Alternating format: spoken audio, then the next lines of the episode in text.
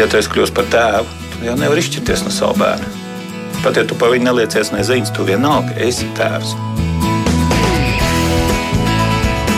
Mēs tiekamies ģimenes studijā.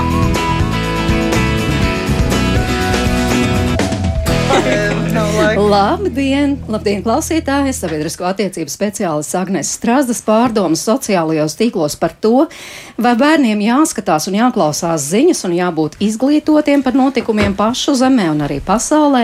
Pamanīja ne tikai sociālo tīklu lietotāji, arī dažādu mēdīju radītāji un sākās diskusijas, vai jāveido īpašas ziņas bērniem un jauniešiem, kur tās jāizplata, lai jaunā paudze tās pamanītu, cik liela vecāku loma interesējot bērnus ne tikai par izklaidējošu, arī informējošu saturu, un vai ar ziņu palīdzību bērnos var audzināt pilsonisko apziņu. Es Mairidz Noteņa atbildes uz šiem jautājumiem meklēšu kopā ar studijas viešņām Latvijas sabiedrisko mēdīju tiesības sardzi profesori Andu Rožkalni. Labdien! Labdien arī Latvijas pedagoģijas, psiholoģijas un mākslas fakultātes dekānai, arī profesorei Lindai Danielai. Labdien.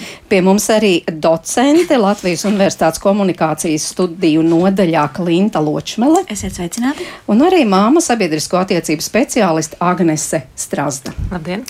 Un eh, es eh, varbūt iesākumā mazliet pacitēšu to, ko Agnese rakstīja sociālajos tīklos. Un Agnēs rakstīja tā, esmu uz pagarināto nedēļas nogalu Vācijā pie draugiem. Piefiksēju, ka vakarā uz ekrāna ziņas vācu valodā draugu bērnu vecumā no 8 līdz 11 gadiem, kā uzticīgākie animācijas filmu fani pielipuši ekrānam un skatās ziņu pārraidi. Pēc tam pie vakariņām vaicājām, ko jaunu dzirdējuši, un bērni sāk stāstīt, kas aktuāls valstī un pasaulē. Agnēs, jums tur bija vēl novērojumi par šo tēmu, kādi bija tie pārējie? Uh, nu, ja mēs tagad konkrētais brauciens uz Vāciju, uh, kas man ļoti pārsteidza, ka uh, ne, ne tik daudz tas skats tajā ekrānā, kas vērsās, ja, bet tā debata pēc tam, kas, eh, nu, kas eh, raisījās pie tā vakariņu galda. Un uh, vecāku atbildes, jo mūsu draugi, kas nu jau vairāk kā desmit gadus dzīvo Vācijā, viņi ļoti bieži mums min, ka bērnu iesaiste dažādu mm, gan sabiedrisku, gan mazāk sabiedrisku satura analīzē pēc tam pie vakariņu galda ir ļoti izteikta tāda kultūra. Varbūt tā nāk no ģimenes, ja, Eh, mēs nevaram teikt, ka tas ir kaut kas ļoti raksturīgs tikai Vācijai, bet mani ļoti uzrunā un ļoti fascinē, un es ļoti gribu, lai arī Latvijā vairāk attīstītos, teiksim, tādu publisku sabiedrisku notikumu analīze ģimenē, pie ģimenes vakariņu galda. Nevienmēr mums vecākiem tas izdodas, jo tas prasa ne tikai zināt šos notikumus, bet spēt arī bērniem veltīt laiku, lai par šiem notikumiem runātu. Bet tie pārējie uh, gadījumi, ko es, ko es teiksim, kas man raisīja tās pārdomas, bija tas pats Latvijas rādio ziņas vienkāršā valodā. Es tiešām, iespējams, ka tas notiek jau ilgu laiku, bet es to pamanīju tikai pagājušā gada nogalē. Un man šķita, ka tas saturs būtu tiesīgs izskanēt arī kaut kur citur, ne tajā laikā. Tas bija vakars, vai nu ziņas 9 vai 11. tiešām neatceros tagad. Mm nu, lūk. Bet kā ir jūsu ģimenē, Agnes? Jūs taču esat arī mamma, kā jūsējie. Jā. Skatās, klausās, lasa. Mm -hmm. Nu, tas mans, atbraucot no Vācijas, mans pirmais eksperiments bija tāds, es sapratu, ka es esmu ļoti liela Latvijas radio, radio pieci fane. Man tiešām no rītiem prasās nedaudz izklaides, lai sevi uzmundrinātu dienai, bet tad es pārslēdzu radiostaciju un es pārslēdzu uh, Britu uh, radiostaciju, acīm redzot lielāko, vienu no lielākajām pasaulē, un es sāku sakot līdzi, kā uz to reaģē mani bērni, kas abi divi runā angļu valodā un saprot angļu valodā bet to angļu valodas saturu viņi ir apguvuši pārsvarā pašmācības ceļā, nekādā veidā tur uh, īpaši uzspiežot. Un uh, tas, ko es pirmais novēroju, ka Tātad ierasto varbūt kaut kādu kašķu, eh, kas mašīnā bieži vien mēdz rasties kašķu, eh, kašķi tiek nomainīti uz klausīšanos, un man sāk parādīties jautājumi, mām, ko viņi, kāpēc viņi tur tā, kāpēc tiešām tas notiek Āfrikā, jo, eh, ja, ja jūs sekojat līdzi, varbūt kāds arī seko līdzi ziņām BBC, mani paši pārsteidz tas ļoti lielais tvērums, kas ir veltīts Āfrikas kontinentam, ļoti, ļoti izteikti. Ja es nekad, teiksim, klausoties Latvijas radio ziņas vai skatoties televīziju Latvijā, skaidrs, ka mēs rādam to, kas notiek pie mums, kas notiek mūsu reģionā. Bet tie stāsti, kas nāk no Āfrikas, viņi tiešām ir tik dzīvā veidā uztaisīti, īpaši, ja tu klausies ziņas sestdienā, kad ir ļoti daudz izzinoši raidījumi, mani, mani tas patīkami pārsteidz, un bērni arī klausījās un uzdeva jautājumus. Un tas bija tāds pirmais signāls, ka tātad, ja mēs mākam pareizi iedot to saturu, to vidi, tad tas dialogs un tie jautājumi rodās. Es nesaku, ka viss vienmēr ir tik ideāli, tie bija tādi pāris elementi. Un atgriežoties pie tā vakariņu galda, un jāsaka tā, ka mana kā mammas cīņa, tas gan nav saistīts ar ziņu saturu, ir uzdevums noturēt 14, 15 gadīgu jaunieti pie mums kopā pie viena galda. Un jāsaka tā, ka pēdējā laikā man trūkst striķi vai, vai tās, tās pavadas man no rokām ārā, jo tas jaunietis grib vairāk būt pats, pats ar sevi, un es tāpat laikā vēl mēģinu radīt to vidi, kad vakars ir tas laiks, ka mēs atnākam kopā un mēs runājam par to, kas notiek. Bet tātad jaunietis 14 gadīgs Jā. ir, kurš pievērs uzmanību šīm BBC ziņām un kuram radās jautājumi. Jā, viņa, viņa pirmais komentārs pēc pāris dienu, mēs braucam no Jūrmālas līdz Rīgai, tātad mums ir laiciņš, ko klausīties. Un tieši iekrīt, eh, nu, BBC vispār ir ziņu, ziņu eh, raidstacija. Un viņš vienā mirklī teica, man, bet te ir tik maz par laika ziņām un kaut kādām, kaut kādām tādām situācijām, tad tik daudz tomēr stāsta par to, kas notiek pasaulē. Nu, viņam šķita, ka pa, tiek pavērts tāds lielāks lokus vaļā, ienāk vairāk svaiga gaisa. Nevienmēr drošāka tā vide ir, ja, bet viņš uzreiz sāk uzdot jautājumus.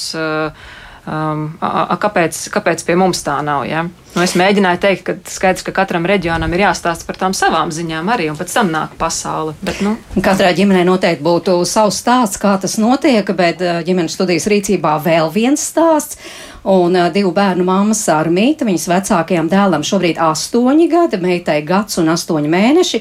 Tātad Sārmīta stāsta, ka tas ir ģimenes ikvakar rituāls noskatīties Latvijas televīzijas gatavoto informatīvo ziņu raidījumu panorāmu un pēc tam ar bērniem pārspriest tur redzēto. Klausāmies! Sākumā tā bija tāda mana vēlme, jo es tradicionāli skatos ziņas, un ko tad bērni darīs, vai es viņus likšu pirms tam gulēt, vai tajā laikā. Nē, mēs skatāmies kopā. Un man arī uh, vienmēr ir bijis ļoti svarīgi audzināt viņus par pilsoņiem, un kopīgi skatīties ziņas ir viens no veidiem, kā to darīt. Man liekas, ka tad bērni ir daudz ieinteresētāki tajā, kas notiek apkārt. Mēs arī runājam ar bērniem, nu, vairāk gan vecāko pagaidām par vēlēšanām, tuvojās vēlēšanas. Viņš skatoties viņas to zina, un tad mēs pārunājam, nu, par ko tad mamma varētu balsot. Es atceros, ka bija vienas vēlēšanas, kad viņš nebija sevišķi apmierināts ar manu izvēli, un mēs arī kopā ejam uz vēlēšanām. Un vēl skatoties tās ziņas, pozitīvi ir tas, nu, ka man nav jādomā, kā ar bērniem runāt par kaut kādiem specifiskiem jautājumiem, kas notiek valstī. Es, piemēram, atceros, kad sākās uh, Covid pandēmija, tad arī liekas, ģimenes studijā bija raidījumi par tēmu, nu, kā runāt ar bērniem tur par šo epidēmiju vai maskām, un, un vecāki visādos fórumos tur prasīja, kā tad, lai es viņiem izskaidroju to visu. Man nekas tāds nebija jādara, jo mans bērns regulāri skatījās to panorāmu, un viņš zināja, nu jā, mums tagad ir tādi noteikumi, Un tā kā tur runā arī visi šie speciālisti, tad viņš eh, ļoti labi arī saprot, kāpēc maskas ir jāvelk vai kāpēc ir eh, tādi noteikumi. Un man šīs eh, sarunas par to, nu, kā tad bērniem to izskaidrot, izpalikt. Tāpat bērns arī nu, redz, saprot, ka notiek karš, kā tas notiek. Un vēl jau arī svarīgi tas, ka panorāma, jeb citi ziņu raidījumi tiek veidoti tā, ka tas ir universāls saturs, kas varētu būt piemērots visiem. Un, ja tur ir kaut kas tāds uh, nepatīkami skati vai tam līdzīgi par to uh, ziņu moderators brīdina, nu, tagad varētu būt kaut kas tāds, bet uh, jāsaka, mans bērns no šiem ir kā brīdinoši nepatīkamiem skatiem īsti nav sabijies. Ir bijuši kaut kādi citi, varbūt filmu materiāli vai cits saturs, par kuru viņš pēc tam saka, māma, es nobijos, bet par ziņām tā nav bijis. Tā kā man arī neliekās līdz ar to, ka vajadzētu veidot specifiskas ziņas tādā vieglākā valodā bērniem. Jo nu, viņiem taču tāpat tajā sabiedrībā būs jāaug, un bērni saprot to universālo līmeni, kādā tiek pasniegtas ziņas. Tagad arī interesanti ir tas, ka nu, man arī mājās, kā jau daudziem televīzijā, ir tā funkcija skatīties arhīvā un citreiz Citreiz es tur aizkavējos ar tām vakariņām, un trauku nokārtošanu un citām lietām. Un es domāju, nu, sāksim skatīties drusku vēlāk. Bet nē, dēls atgādina, tūlīt būs astoņi māmiņā, jāskatās panorāmu. Tad viņš jau ir tas, kas pirmais iet, slēdz iekšā televizoru, un tad mēs visi skatāmies un dažreiz arī kaut ko komentējam. Bet jūs arī pārunājat.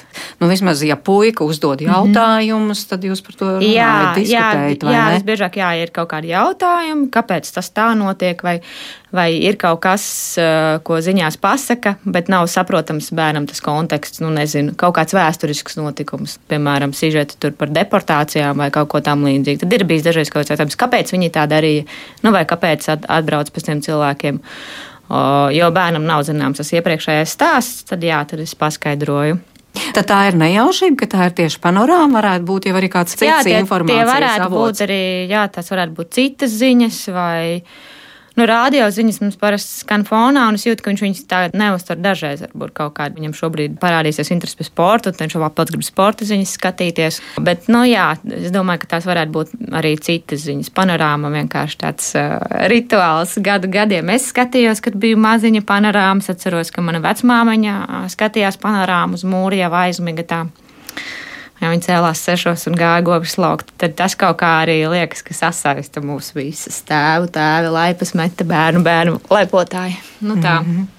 Nu jā, bet varbūt arī tā interese, jo, piemēram, sociālajie mēdīji vēl tik lielu jā. lomu nespēlē viņa informācijas nu, jā, viņam, avotos. Viņš, viņš nav sociālo mēdīju lietotājs, kas ir interesanti. Viņš, viņš tagad eh, klausījās aktuāls jautājums par TikTok lietošanu valsts iestādēs. Dēls man stāsta, ka viņš arī jau tātad bija dzirdējis šīs ziņas par eh, riskiem saistībā ar TikTok, un viņš bija aicinājis vienu klases biedru, pārliecinājis, ka viņam ir jāizdēš TikTok no viņa lietotnes, un klases biedrs to arī izdarījis.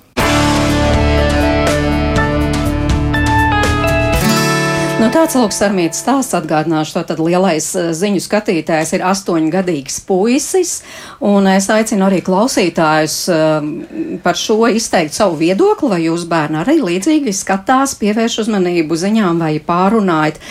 Uh, bet uh, nu, es arī mūsu ekspertiem gribētu lūgt, tomēr, tā kā nodalīt. Parunāsim mazliet par bērniem līdz 11, 12 gadu vecumam, ja tā noteikti būs viena auditorija, un pēc tam arī par tiem pusauģiem. Bet domājot par bērniem, nezinu, pie kuras lai vēršos, ko vispār rāda pētījumi. Tas ir tāds absolūts izņēmuma gadījums, ko mēs dzirdējām par astoņgadnieku. Vai varētu teikt, ka jā, skatās, klausās? Es pat nezinu, es neesmu sagatavojusies pārskatu, sagatavojos uz šodienu, bet es varbūt pateikšu tādu nu, savu personisko viedokli, kas balstās droši vien jomā, kuru es pārstāvu. Es domāju, ka šis ir lauks, kas mums ir jāizpilda.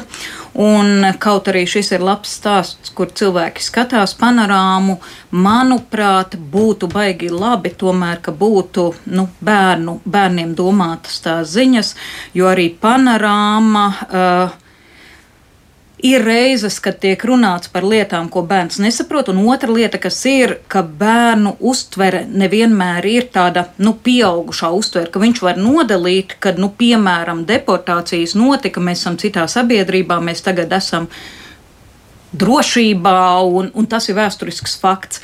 Bērns var salikt kopā tās realitātes, un tas viņam var radīt tādu nu, trauksmi, ar kuru mēs nevienmēr veiksmīgi varam tikt galā. Nu, dažreiz tā trauksme mēs pat nesaprotam, no kā viņa ir radusies, bet viņa var būt. Un tāpēc manā nu, uztverē būtu, ka būtu forši tādas ziņas, un tas ietu kopā arī ar šo 25. komentāru pie bērnu tiesību konvencijas, ko iespējams Klinta minēs arī, kur ir pateikts, teikts, ka mums ir jānodrošina saturs bērniem, viņš ir jānodrošina tāds, kāds bērniem būtu atbilstošs. Nu, noteikti var diskutēt, vai astoņgadīgam bērnam domāts saturs der 14gadīgam bērnam. Droši vien, ka tur varētu būt atšķirības, bet, bet pats fakts, ka saturs būtu noderīgs, es teiktu, ka jā. Tāds Līns Daniels domas, Klinta Ločmela. Piekrītat kolēģei vai, vai ja atbalstāt mammu. daļai, daļai piekrītu. Uh, protams, tās ģimenes un pieredzes ir dažādas. Un tas, ko rāda arī raksti un pētījumi, uh, ka pastāv tādas uh, arī patiesībā pētnieku uh, pusē pastāv divas nometnes. Un viena ir tā, kura saka, ka varbūt uh, bērni ir jāpasargā no ziņu satura. Mm. Tur gan atšķiras viedoklis līdz 6 vai līdz 8 vai līdz 10 gadu vecumam, jo dažkārt rodas murgi vai, mm. vai, vai trauksmē vai stress par kādiem jautājumiem. Un savukārt ir citi, kuri uzskata, ka ir nepieciešams uh, iepazīstināt ar to, kas notiek pasaulē, un klausoties arī sarmītas pieredzi, uh, nu šķiet, ka tas ir pēc tām visām labās prakses vadlīnijām, kur vecāki pārunā ar bērniem. Un uh, arī dzen ieteikumos tieši tiek uzsvērts pārunāt tās lietas, kas var satraukt, un arī dzen nebrīnīties, ka varbūt parādās arī tādi jautājumi no bērniem, kā piemēram, kad arī mūsu māja aplūdīs, tad, kad skatījāmies Jēkabpils plūdus, vai arī, ja ieraugā bērnus, kas ir slimi ar vēzi, piemēram, kad jautā, kad arī man būs tāpat kā tai meitenītei, kurai nebija matu televīzijas ekrānā. Un, ja ir blakus vecāks, kas šīs, vai kāds cits tuvinieks, kas šīs bažas uh, spēj kliedēt un izskaidrot un izstāstīt, tad es domāju, ka tur nav tāda vecuma limita, no kura tad tā ziņa mm. skatīties. Es atceros arī pati savu bērnību. Es biju maza un taisni bija barikāžu laiks, un es redzēju tankus. Man šķiet, tie bija no Lietuvas to laiku. Un es atceros vēl kā šodien, kad es jautāju vecākiem, vai tie neatnāks līdz mums, vai, vai arī pie mums neatbrauks. Un, tās, tās mēs uztveram arī mazā vecumā tos, tos notikumus, satraukumu, un ja ir kāds, kas, kas izskaidro, tad es domāju, ka viss ir kārtībā, bet tāda pēdējā piebilde par to, kādā veidā bērniem tā ziņas nodrošināt, man šķiet ļoti simpātiska Somijas pieredze. Somijas sabiedriskajā mēdījā, kura nosaukumu es nekad kārtīgi neprotu izrunāt, Ūle vai Īle, es viesojos 2018. gadā, un viņi stāstīja, kā viņiem ir izveidota lietotne, kur strādā cilvēks uz puslodzi šo jautājumu, un tā lietotne pamatā ir adresēta skolotājiem, bet to jau varētu arī paplašināt, ka var pieteikties arī dzen, vecāki vai citi interesanti, un katru nedēļu tiek sagatavots tāds ziņu apskats par svarīgākajiem notikumiem šajā nedēļā un kā skolā par tiem jautājumiem runāt, kā stāstīt, kā runāt par zemestrīcēm, traģēdijām vai par karu, kas skolotājiem iedod tādas idejas, kā šo jautājumu apspriest un kā varbūt sākt runāt arī par tādiem nepatīkamiem jautājumiem, nepatīkamām lietām. Un varbūt ne gluži tādā pamatā ēterā, bet šādas lietotnes veidolā vai kā tāds papildu, papildu materiāls, manuprāt, būtu, būtu noderīgi. Jā, Androžu kalna vajadzētu, jo tiešām apstājamies pie bērniem. Liekas, bērni it kā nedzird, bet Pat tad, ja viņi tur tā panorāma iet un viņi tur kaut kur spēlējas, vienalga viņa dzird, vienalga viņi pamana.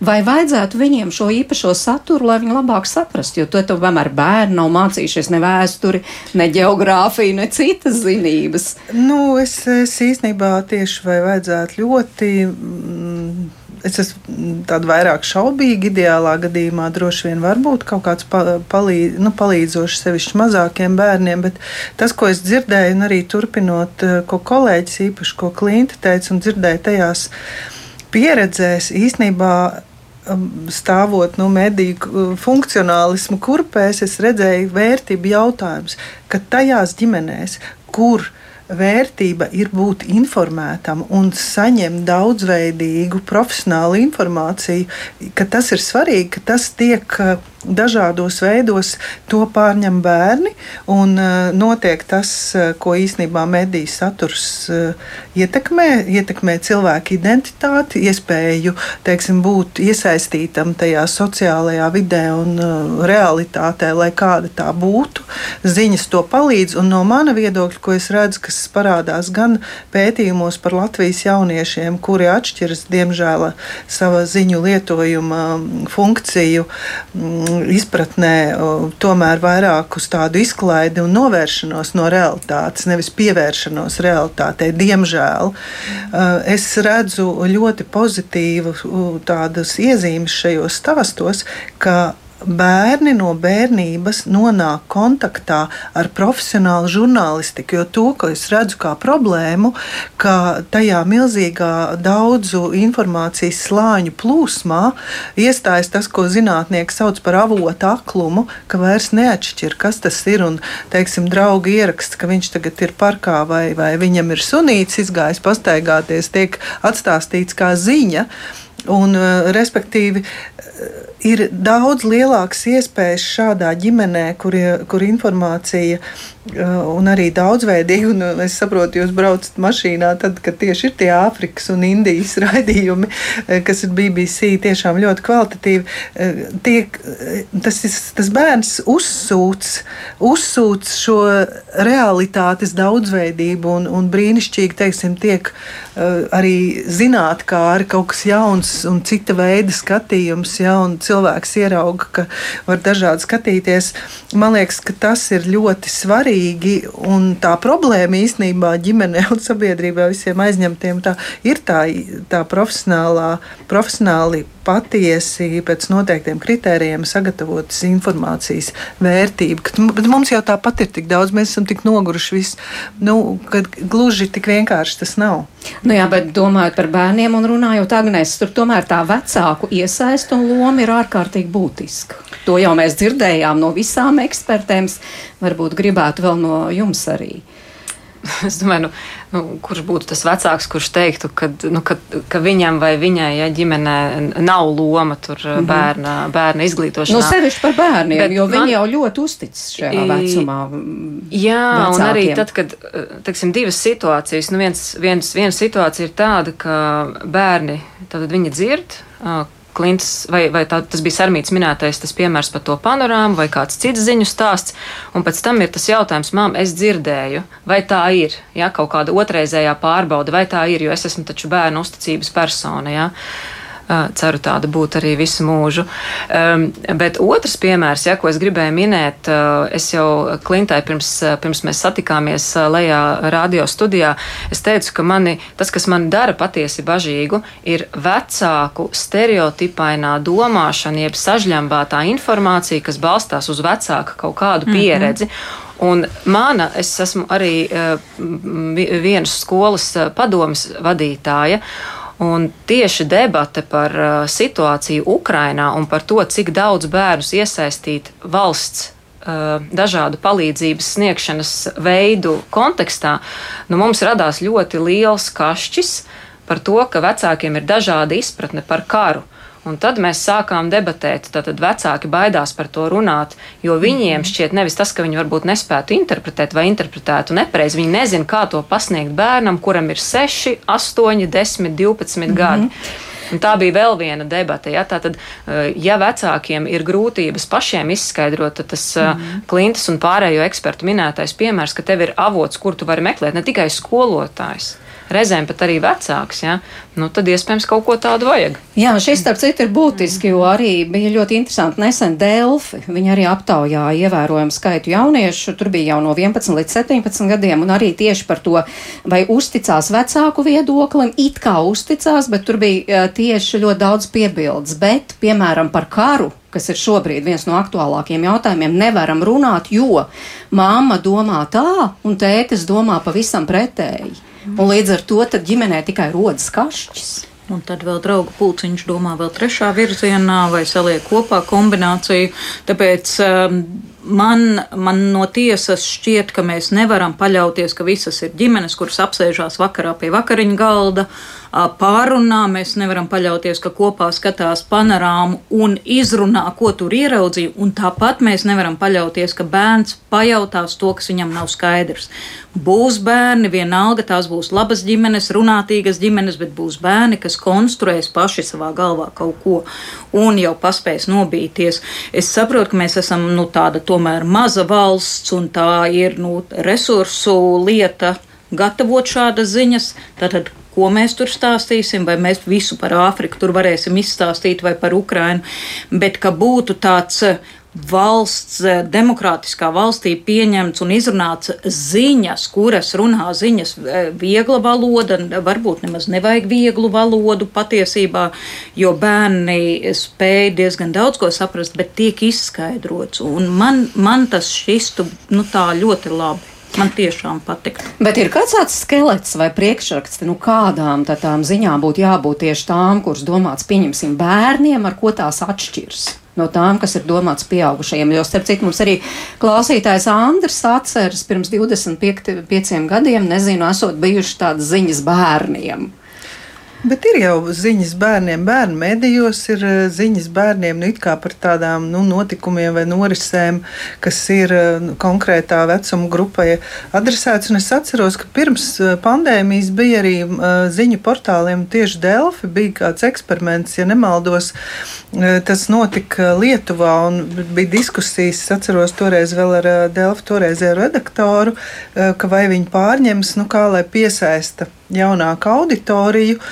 Tur bija tā ideja tāda, ka esošās ziņas bija kaut kā pārtransformētas, varbūt ne gluži tādam bērnu, bet vairāk nu, pusauģu, un tad ar lielākām bildēm, mm -hmm. kaut kā priekšplānā tas kaut kādas attraktīvākas, un, bet es sapratu pēc tās, tas bija kaut kāds pasākums mediju profesionāļu pieredzes, ka nu, īsti tos mērķus, nu, kas komercmedijiem, tātad to auditoriju paplašināt vēl ar nozīmīgu stabilu grupu, tas īsti tā nedarbojās. Bet attiecībā uz tiem visiem tādiem robežu gadījumiem, ko jūs pieminējāt, man liekas, ka diezgan grūti ir, teiksim, mums tagad vienoties par kaut kādu, ka ir kaut kāds zelta modelis, mm. kuram mēs pievilksim tūlīt ziņas, un tās būs, jo ziņas nav, nu, teiksim, ziņas ir saistītas ar reāliem notikumiem, teiksim, šīs ļoti sarežģītie jautājumi, pretrunīgi sabiedrībā, vai, vai, tie, vai tie būtu kādas kultūras eh, jautājumi saistībā ar etniskām minoritātēm, ar valodu, vai tā pati Ukraina. Tie vecāki ir nobijušies, un žurnālisti ir nobijušies, un valsts vīri ir nobijušies. Līdz ar to tas eh, drīzāk mums jārunā par tiem principiem, cik mēs, eh, cik mēs uzskatām, ka sarunas par ziņām ir veids, kā mēs šos dažādos uh, viedokļus vai dažādas perspektīvas liekam kopā, ka, tā, ka tieši uh, pienākums piedāvāt dažādus skatījumus un neslēpt, ka ir pretrunas, ir tas, ko var dot profesionāls medijs, nevis nu, kāda cita veida personība, influenceris vai jebkurš cits. Jā, nu jautājums tikai, vai šis mazais cilvēks to spēja uztvert un uh, saprast. Jā. jā, es gribēju piebilst pie Andas teiktā, klausoties piemērus.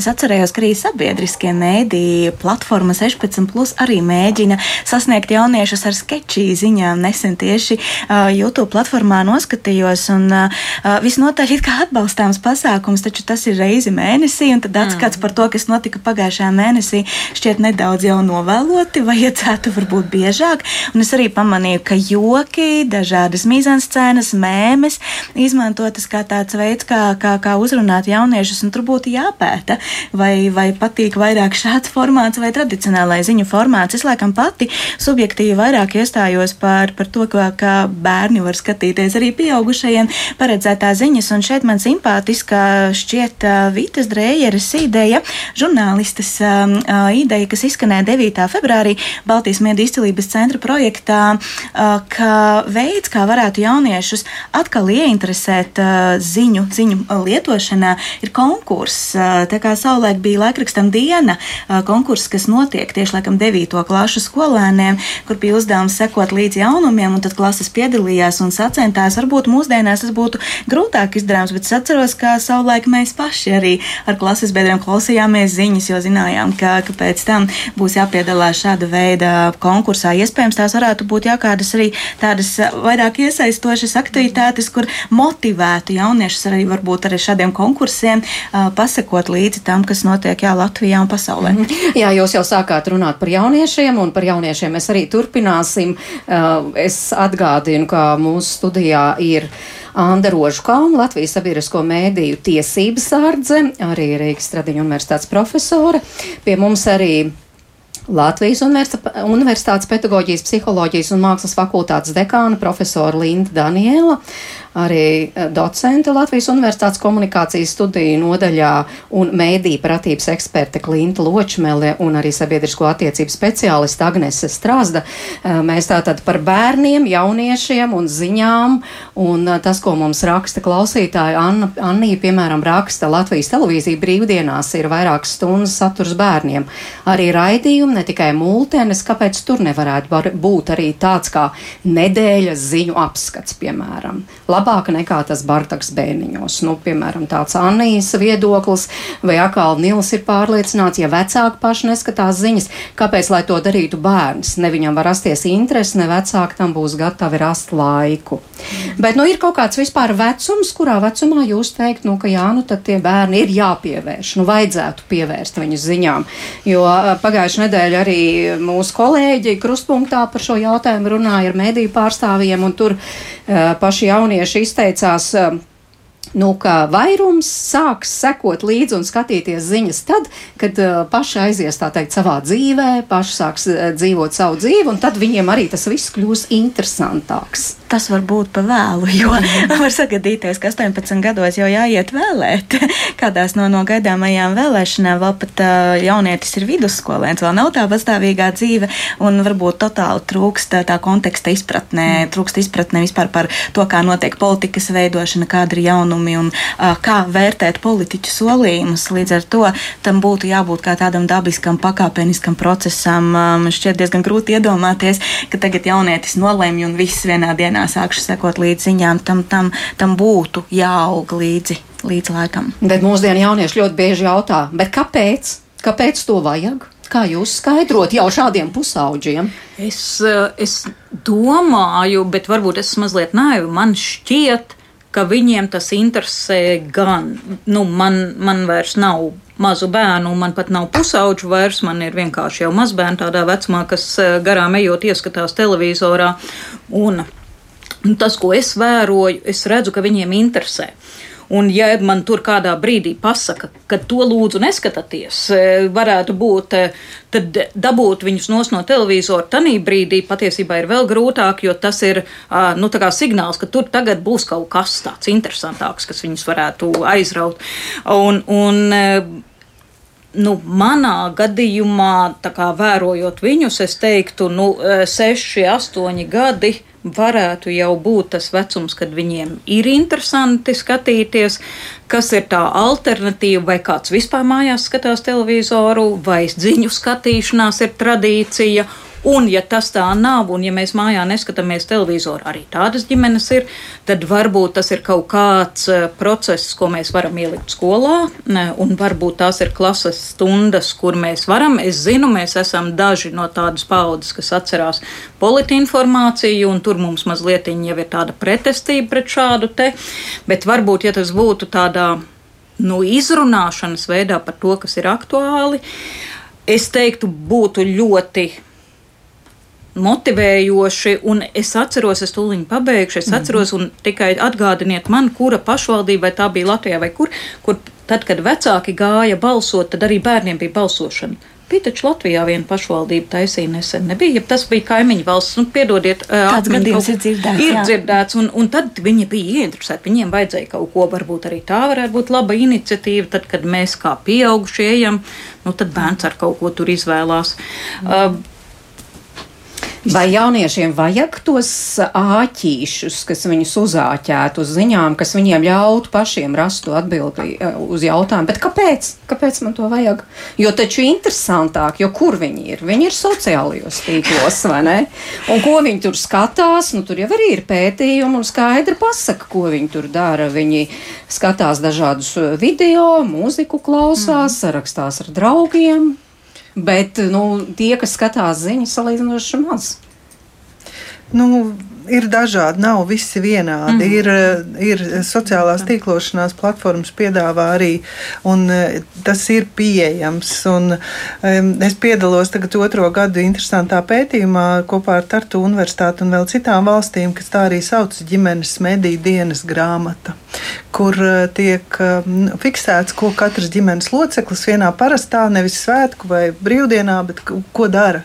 Un kas, kas viņiem ir kopīgs un kas viņiem ir līdzīgs. Un tur īstenībā pētījuma mērķis ir saprast, uh, īstenībā vietu, ģimenes kopīgā dzīvošana, mediju vietu un arī tā kā, tā, tā kā ritmu, kā īstenībā ziņas un visādi jaunumi veido ģimenes dzīves ritmu. Un, kas ir interesanti, protams, mēs redzam daudzus modeļus, un arī tas, par ko jūs uztraucaties, nu, un, un ko mēs pētījumos redzam, ka ir ļoti distancēta daļa no jauniešiem vai bērniem, ļoti distancēta no aktuāliem jautājumiem. Tāpēc man īsti, nu, tāpēc es tā atgriežos atpakaļ, kad, kad tomēr ģimene un pēc tam vēlāk tiešām skola ieliek to, ka tas ir vērtīgi, bet tā atbilde uz uz jaunieša vai nu, kaut kāda spuraina pusauģa jautājumu, tad ko man tas dod un ko beidz man piecieties, kāpēc man jāzina, kas tur nolemts saimā, ka tomēr nu, tam ir dziļāka jēga. Pirmkārt, ziņas mums palīdz saprast, kas mēs esam. Tas ir identitātes jautājums. Īstenībā pat ja ziņas ir biedējošas un nedrošas, viens no galvenajiem ziņu uzdevumiem ir dot mums drošības sajūtu, jo ja tu zini, tad tu kaut ko vairāk saproti, un tu esi daudz nedrošāks tajā visā apkārtējā muģeklī nekā Eh, nekā ja tā ziņa ir bailīga ja, vai, vai uztraucoša, un eh, palīdz eh, iejusties arī sabiedrībā, kas tad ir tās kopējās tēmas. Tas man liekas, ka par ko jūs sakat, tādā nu, varbūt ar nosacījumiem, ir par bērna vietu sabiedrībā vai tajā ģimenē, vai viņš tiek uzskatīts par tādu, kas ir līdzvērtīgs kopā ar mums sarunāties, tas, vai arī mēs viņu kaut kur noliekam, sargājam un vispār neiesaistam. Un, Un tad viņam arī sāk likties, ka viņš ir, viņam vispār kaut kas cits jānodarbojas. Tad mēs droši vien vēl vienu raidījumu varētu runāt par to, kā mediju, aktuālais mediju saturs eh, pēc Manheima paudžu teorijas iezīmē, formē paudzi. Un šobrīd mums ir pilnīgi skaidrs, ka mums ir paudze, kas ir izgājusi cauri ziņu īpašiem periodiem, kā tā ir pandēmija un šobrīd karš. Un tas ir tas, ko viņi nesīs sev līdzi cauri gadiem. Tās ietekmes un to, ko viņi var darīt, bezspēcības sajūtu, bailes, to, kā varbūt viņi pārvērtē vērtību sistēmas, kas vispār ir svarīgs, bijis kaut kādas saiknes, iesaisti, palīdzība, atbalsts. Ļoti daudzas tēmas, kas ir, ir ziņās. Un tās mūsu piesaist arī nu, tālāk tām vēlēšanām mm -hmm. vai mhm. visam kam. Jā, starp citu par tām vēlēšanām. Paldies klausītājiem uz palīdz, ka tas uh, bija cēsīs. Mm -hmm. Jā, tā tad jauniešu bērnu vēlēšanas bija cēsīs. Bērni varēja nobalsot par puķu krāsu dobēm. Vai. Tur politiski nav, bet jā, vienalga. jā, tur tā bija. Jā, bet Agnese, no tas, ko tikko Andra Rožkalna teica, jā, tiešām tās tēmas dominējošās. Bija pandēmija, tagad ir karš. Un, un, un vecāki varbūt gluži pretēji. Nevis motivē bērnus, bet saka, bet priekš kam viņiem tas ir vajadzīgs? Viņiem ir jāizdzīvo sava bērnība, jaunība, vienkārši jāpriecājas par dzīvi. Jā, jūs, jūs šobrīd esat tajā, tajā dimensijā, ar kuru es arī saskāros, runājot ar pārējiem vecākiem. Tātad viens no mītiem, ka nu, tāds varbūt ne gluži mīts, bet nu, pieeja, dzīves pieeja, ka bēr, bērnība ir jāizbauda. Ja? Un tieši tāpēc nevajag bērnus iesaistīt. Tas ir tas pēdiņās, jāsaka, jo es, tā, es tam nepiekrītu. Realitātē. Jā, ka nepīsim drošības sietus Ukrāņiem, neiesim uz debatēm, kurās tiek pārunāt šīs tēmas, neklausīsimies, ko saka konkrētie Ukrāņu iedzīvotāji, kas ir šeit, jo viņi arī tur stāsta visu kaut ko. Ja? Un tad uh, manī drusku sāka mutuļot, tā kā vaigi palika sarkani, ja, jo es tam nepiekrītu. Un, um, es jau minēju, ka te, tas mirklis man mudināja palasīt, teiksim, kā pasaulē tiek risināti jautājumi par grūtu ziņu aiznešanu bērniem. Nu, tiešām tāds kara, kara, kara vēstījuma aiznešana bērniem. Un es varbūt iztulkoju tā, kā es to gribēju, ja, bet vairākus avotus lasot, um, gan, gan ziņu uh, veidotājus, gan neatkarīgus uh, bērnu teiksim, izglītības iestādes, tur bija viena atbilde visiem. Katram vecumam ir jābūt noteiktam veidam, kā par to runāt. Tad, kas ir svarīgākā? Atbilde šajā brīdī ir tas, kā un ko mēs pasakām. Jo runājot ar sešgadīgu bērnu, iespējams, ka mums ir svarīgi pateikt, tiešām nomierināt to satraukto sirdi, bet tajā pašā laikā teikt, ka jā, mēdz būt dažādi viedokļi, dažādas situācijas. Tas ir viens. Pēc tam astoņgadīgam, ja iedot klāt informāciju, ja iesaistīt viņu aktivitātēs, zīmēt karogus, zīmēt sadarbību, zīmēt nu, jebko citu, kas, kas veicina šo atbalsta sniegšanu. Un tad, ejot uz priekšu, katrā vecumā vienkārši ir cits uzsvars. Bet, teiksim, uzskatīt, ka, kā jūs eh, minējāt, tos, to, to, to iespējamo situāciju, ka 18 gados mēs nonākam un pirmo reizi runājam par to, kas dzīvē notiek, nu, atvainojiet, man liekas, ka tas ir daudz par vēlu. Jo vēl viena situācija, kāpēc mazi bērni mums ir visu laiku blakus, viņi ar mums brauc uz darbu, viņi satiekās, ir citās ģimenēs, iet ciemos. Eh, man kate regulāri uzdod jautājumu, kāpēc man viņš tā teica, kāpēc tur bija tāda ziņa, kāpēc šodien neiet autobuss, kāpēc mēs nevarējām nopirkt biļeti, kāpēc, eh, kāpēc e, pusdienas šodien skolā bija tādas vai tādas.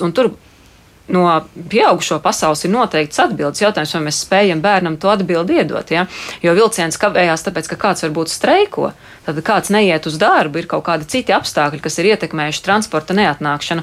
Es nevarēju nopirkt uh, biļeti, tāpēc, ka kādam ir uh, sistēma, diemžēl, šodien nestrādā, jo kāds cits pakalpojums sniedzējs ir arī kaut kādā situācijā, kur, nezinu, kāds varbūt ir uzbrucis tai, tai, tai sistēmai, ja, kura, no kuras uh, izriet citu pakalpojumu sniegšana. Uh, pusdienas vēl kaut kāds stāsts, jā, nezinu, tur pārtikas cenas uh, mainās, ja, tam visam ir kaut kāda izskaidrojuma jautājums, ā, vai mums ir laiks uh, bērnam to, to, to stāstīt. Uh, Uh, nu, pārsvarā jau jā, es kā māma sev pārmetu to, ka vienmēr ir tas laika trūkums, un B varbūt ir skolā vēl apstākļi, kur arī par to varētu runāt. Un ir skolotāji, kas to dara brīnišķīgi. Ja?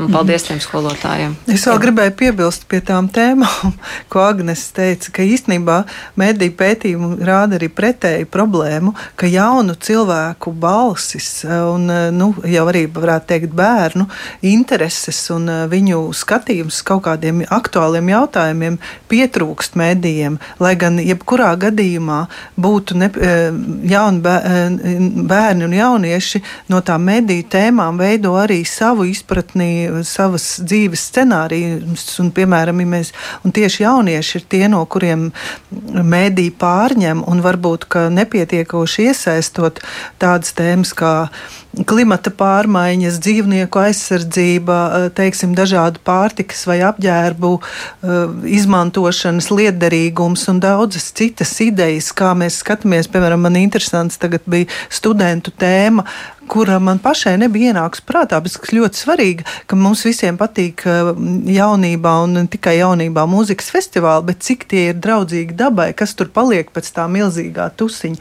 Un tas ir, man liekas, ka tā ir tā problēma, kad mēs norobežojam teiksim, šo ideju un, un domu apmaiņu, kas, kas dod pēc tam sabiedrībai iespēju diskutēt. Tā, tā man liekas, un, un, nu, ir, ir viena no. Mēs jau nonākam jā, jā, tā, ka ir jārunā ar viņiem vienkārši, ko mēs izdarām. Ja mēs taisām tās ziņas vienreiz nedēļā vai tur vienreiz par kaut kādu laiku, tad mēs izņemam kaut kādas fragmentiņas. Bet ja viņas būtu kaut vai reizi dienā, vienreiz par festivālu runā ar viņiem, vienreiz par kaut ko citu, Cik bieži es īstenībā neesmu ziņās dzirdējis par šiem visiem mēsliem, kas paliek pēc festivāla? Nē, tāpēc, jā. ka ziņās tas nav. Nu, jā, bet kas jauniešus un bērnus interesē un varētu viņiem būt ļoti interesanti un svarīgi. Jā. Es pavisam maz komentārs vienkārši nedēļas nogalē biju izstādē skola, eh, ņemot vērā manu darba vietu. Un, eh, nu, tik daudz nāk jaunieši 9. klase un prasa, kur mācīties, ko darīt, par ko būt. Un tagad, eh, klausoties šo sarunu, man liekas, ka vēl viena no tām tēmām, kāpēc ir svarīgi zināt to pasaules notikumu kārtību, tāpēc, ka tad tas jautājums, ko man darīt, kam man būt, par ko man kļūt, kādu jautājumu es varu risināt ar to savu profesiju. Īsnībā ne tikai tāda ēnošana vai, vai tas, ko mēs klasiski saprotam par, par um, nu, ēnu dienas vai tur, uh, jebkas cits um, prakses, ja, patiesībā arī tas palīdz jaunietim saprot, saprast, kas ir aktuāli. Jo arī manam uh, 14, 15 gadīgajam jaunietim, nu drīz mēs nonāksim pie tā jautājuma. Es tur mēģinu saprast, vai tev tehnoloģija, jo paskaties, pasaulē tagad attīstās spēļu industrija, jā, mājaslapu veidošana. Tur atkal nākošais, varbūt, ka tur medicīna, jo paskaties, ir tik daudz jautājumu, kas ir neatrisināti. Man liekas, tas ir vēl viens tāds uh, loks uz, uh, uz pasauli. Nu jā, un tas ir cilvēks, kas, kā mēs teicām, auga ar šo pilsonisko apziņu. Jā, kas ir. Bet ieskanējās par skolu. Kā ir ar tiem mm, nu, vecākiem, kā mēs arī šeit jau vairāk kārt teicām, ne visi ir tik aktīvi, ne visi paši skatās, klausās, pievērš uzmanību skolai. Tas būtu arī uzdevums, vai kā ir šobrīd skolā? Es teiktu, ka. Jo jūs, Linda, jā. jā, jo jūs arī atcerējāties tās politi informācijas, kas kādreiz bija, un kur tiešām tāds. kādam bija jāizlasa, es nezinu, avīzu un, un, jāatstāst. Viņas bija jāsaka, jāsaka tas, kas jā, tur bija jau pateikts jā, jā, cīņā vai tā. vēl kaut kur. Uh, es gribētu domāt, ka skola arī ir vieta, kur mēs mācamies runāt un diskutēt par aktuālo, un vai tas ir karš, vai tās ir festivālu lietas, vai tas ir Covid, vai varbūt tā ir Āfrika, par kuru mēs it kā ikdienas dzīvē nedzirdam, bet ka tas tur tiktu runāts, tas, kur ir mazliet problēma ar skolas lietām, eh, kāpēc tas varētu radīt kaut kādu tādu šūpošanos, ka tikko mēs sākam runāt par vienu tēmu, pieņemsim seksuāli, seksuālu audzināšanu, piemēram, tad ir ministra kabineta noteikumi, kas pasaka, par kādiem tikumiem mēs runāsim, un viņi arī pasaka, ka skolēna vecākam ir tiesības prasīt no skolotāja paskaidrojumu.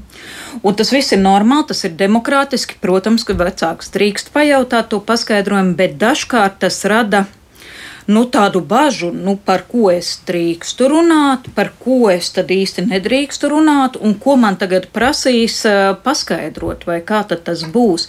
Bet, ja mans personīgais viedoklis tagad uh, drīkstētu palikt kā pēdējais, ko es tagad pasaku šī teikumā, es teiktu, ka jā, ka skola būtu laba vieta, kur mēs pamazām mācītos spriest par to, kas notiek. Laika ziņā ir pietiekami laika daudz ziņā, laika par to runāt un diskutēt. Stundās tas varētu būt, un ja mēs runājam, piemēram, par drazām, kas paliek pēc festivāla, es pieļauju, ka to varētu runāt arī kādās citās sociālo zinību stundās, tas varētu būt.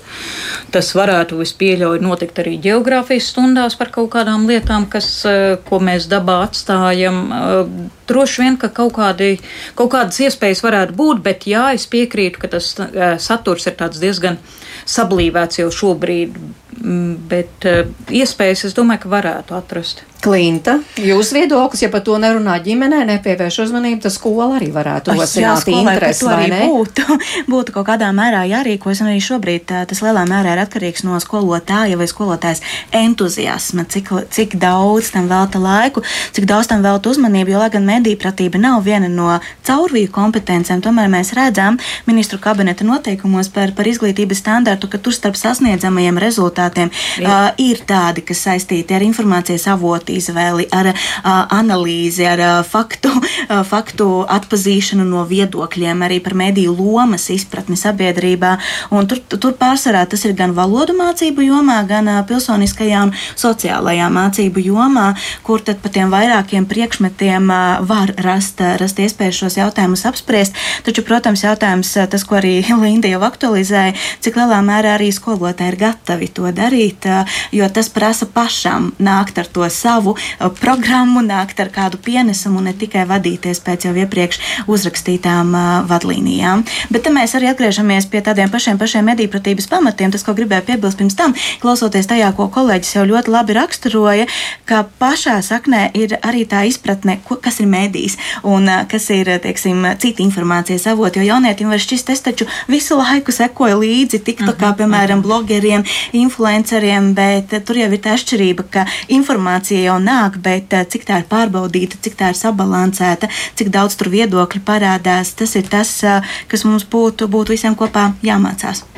Nu, šis ir tāds atkal brīdis, kad ir pievērsta šim jautājumam uzmanība. Jūs redzat, ka vajadzētu tagad kādu konkrētu soli spērt un kaut ko uzlabot Nu, noteikti var uzlabot. Es gribētu ieteikt vēl vienu jaunu tēmu gan vecākiem, kuru bērni domā, ko darīt, un uh, skolotājiem, kas domā, kā vēl, kā vēl pastāstīt to, kas svarīgs.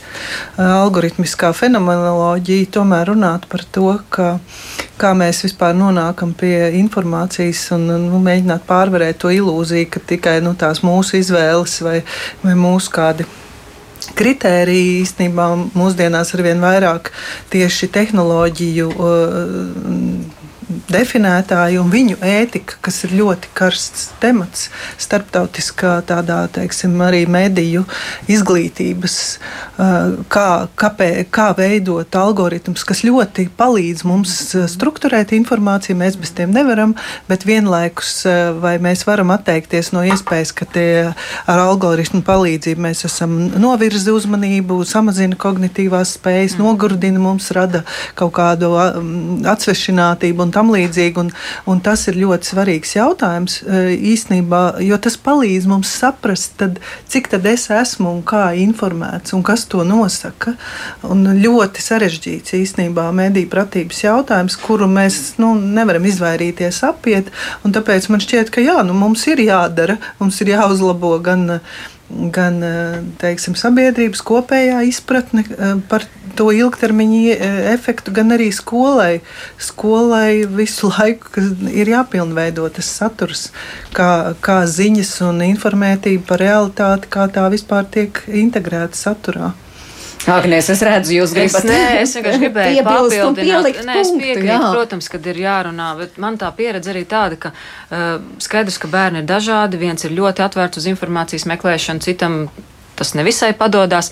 Mana pieredze bija tāda, ka mēs bieži vien netiekam tālāk par Wikipēdiju. Tad, kad mēs Mhm. kaut ko meklējam, uh, runājam par sevi un runāju arī par, nu, vismaz par, par tiem jauniešiem, ko es redzu. Un pēdējais piedzīvojums vēsturē bija tāds, ka Wikipēdijā neizlabot informāciju, tad, kad tev ir jāstāsta par, par Māras dīķa apkārtni un, un esošo parku, kur Wikipēdijā tev ir rakstīta viena informācija, un tu vēsturē dabūni piecinieku, tāpēc, ka tu esi iemācījies no tā avota un neesi neko citu salīdzinājis. Ja? Un tas, ko es vienkārši es priecātos, ja bērniem būtu vairāk uzdevumi, kuri paģēra to, kad ir jāanalizē vairāki avoti un tad ir jāuztaisa kopsavilkums. Un tas būtu jā, mans ieteikums. Tas Jā. pedagogi, mēs. Jā, un tas būtu mācīt. tiešām pedagoģa uzdevums.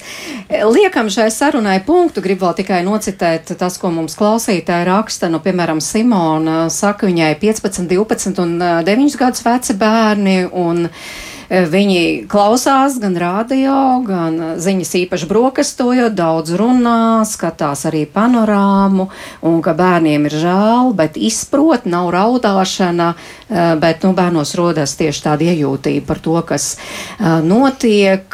Tad arī mums ir tāda pieredze, te atcerējās Agnes, piemēram, bēr, bērnībā ar vecākiem skatījos panorāmu, neko daudz nesapratu. Uh, informācija bija sarežģīta, tomēr interese par valstī notiekošo saglabājās uz visu mūžu. Nu, lūk, un viņi arī raksta arī skolā politi informācija arī noderēja, jo lika meklēt presē svarīgāko un vēlāk izvēlējos žurnālistes profesiju. Un jā, un te arī tā, te vēl arī piekrīt par BBC ziņām, ka tās patiešām ļoti interesanti un tā kā jaunieši pārvalde tagad ir ļoti laba angļu valoda, tiešām lielisks informācijas avots jauniešiem un bērniem. Paldies! Sāku mūsu studijas viešņām Andai Rožukalnei, Lindai Danielai, Klintai Ločmelei un Agnesē Strazdai. Paldies, ka atradāt laiku atnācāt šeit uz ģimenes studiju. Ceru, ka kā, kāda māma vai tēca varbūt aizdomāsies par šo jautājumu. Radījuma producents Armīta Kolātes, Mairidz Notiņa pie skaņu pults, ne, bet pie mikrofona. Un uh, gribu tikai atgādināt, ka rīt tiekamies kā parasti 5 minūtes pār diviem. Runāsim par otrās svešvalodas mācīšanu skolās. Kā tad būs ar krievu valodu? Tātad pēc dažiem gadiem nē, bet kā, kā būs ar tām pārējām valodām, Eiropas valodām, kas tās mācīs. Par to runāsim rīt. Tiekamies un visu labu!